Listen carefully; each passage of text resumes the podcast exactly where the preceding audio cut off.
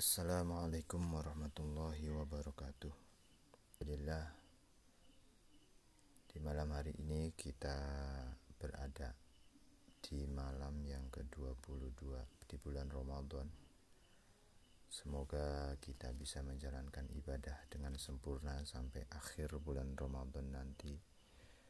Kita mendapatkan fadilah dari Lailatul Qadar Kita mendapatkan fadilah anugerah maghfirah rahmah. Dan yang terakhir adalah itqum minan nar terbebas dari api neraka. Amin ya rabbal alamin. Pada kesempatan kali ini saya ingin membacakan sebuah hadis. Yang mana terkait dengan urusan rizki kita Rizki yang dimaksud adalah segala sesuatu yang diberikan oleh Allah berupa kenikmatan.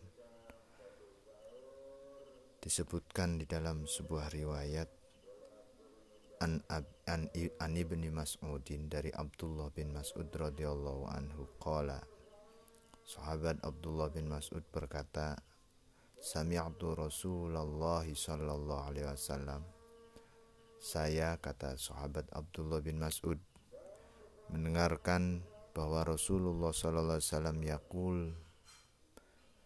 bersabda, Man qara'a suratal waqi'ati kulla laylatin lam, lam tusibhu faqotun abadan.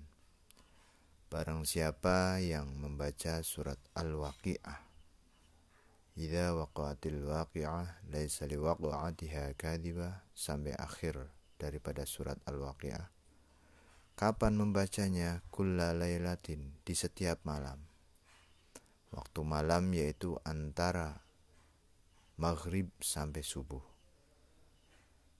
Apa kata Rasulullah bagi orang yang mau membaca surat Al-Waqi'ah di setiap malam?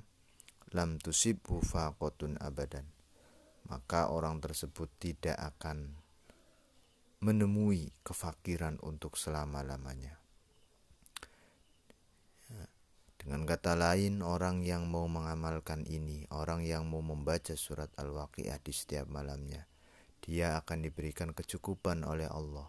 Dia akan diberikan kekayaan, baik kekayaan secara majazi maupun kekayaan secara hakiki oleh Allah Subhanahu wa taala dia akan diberikan kelapangan rizki berupa yang bisa berupa kesehatan, bisa berupa ketenangan jiwa, bisa berupa uh, kebutuhan yang terpenuhi, doa-doa yang terijabah, dan lain sebagainya. Kiranya itu yang bisa saya sampaikan melalui podcast ini. Semoga bisa bermanfaat dan semoga kita semua bisa istiqomah konsisten mengamalkannya. Akhirul kalam, wallahul muwafiq ila aqwamit thariq. Wassalamualaikum warahmatullahi wabarakatuh.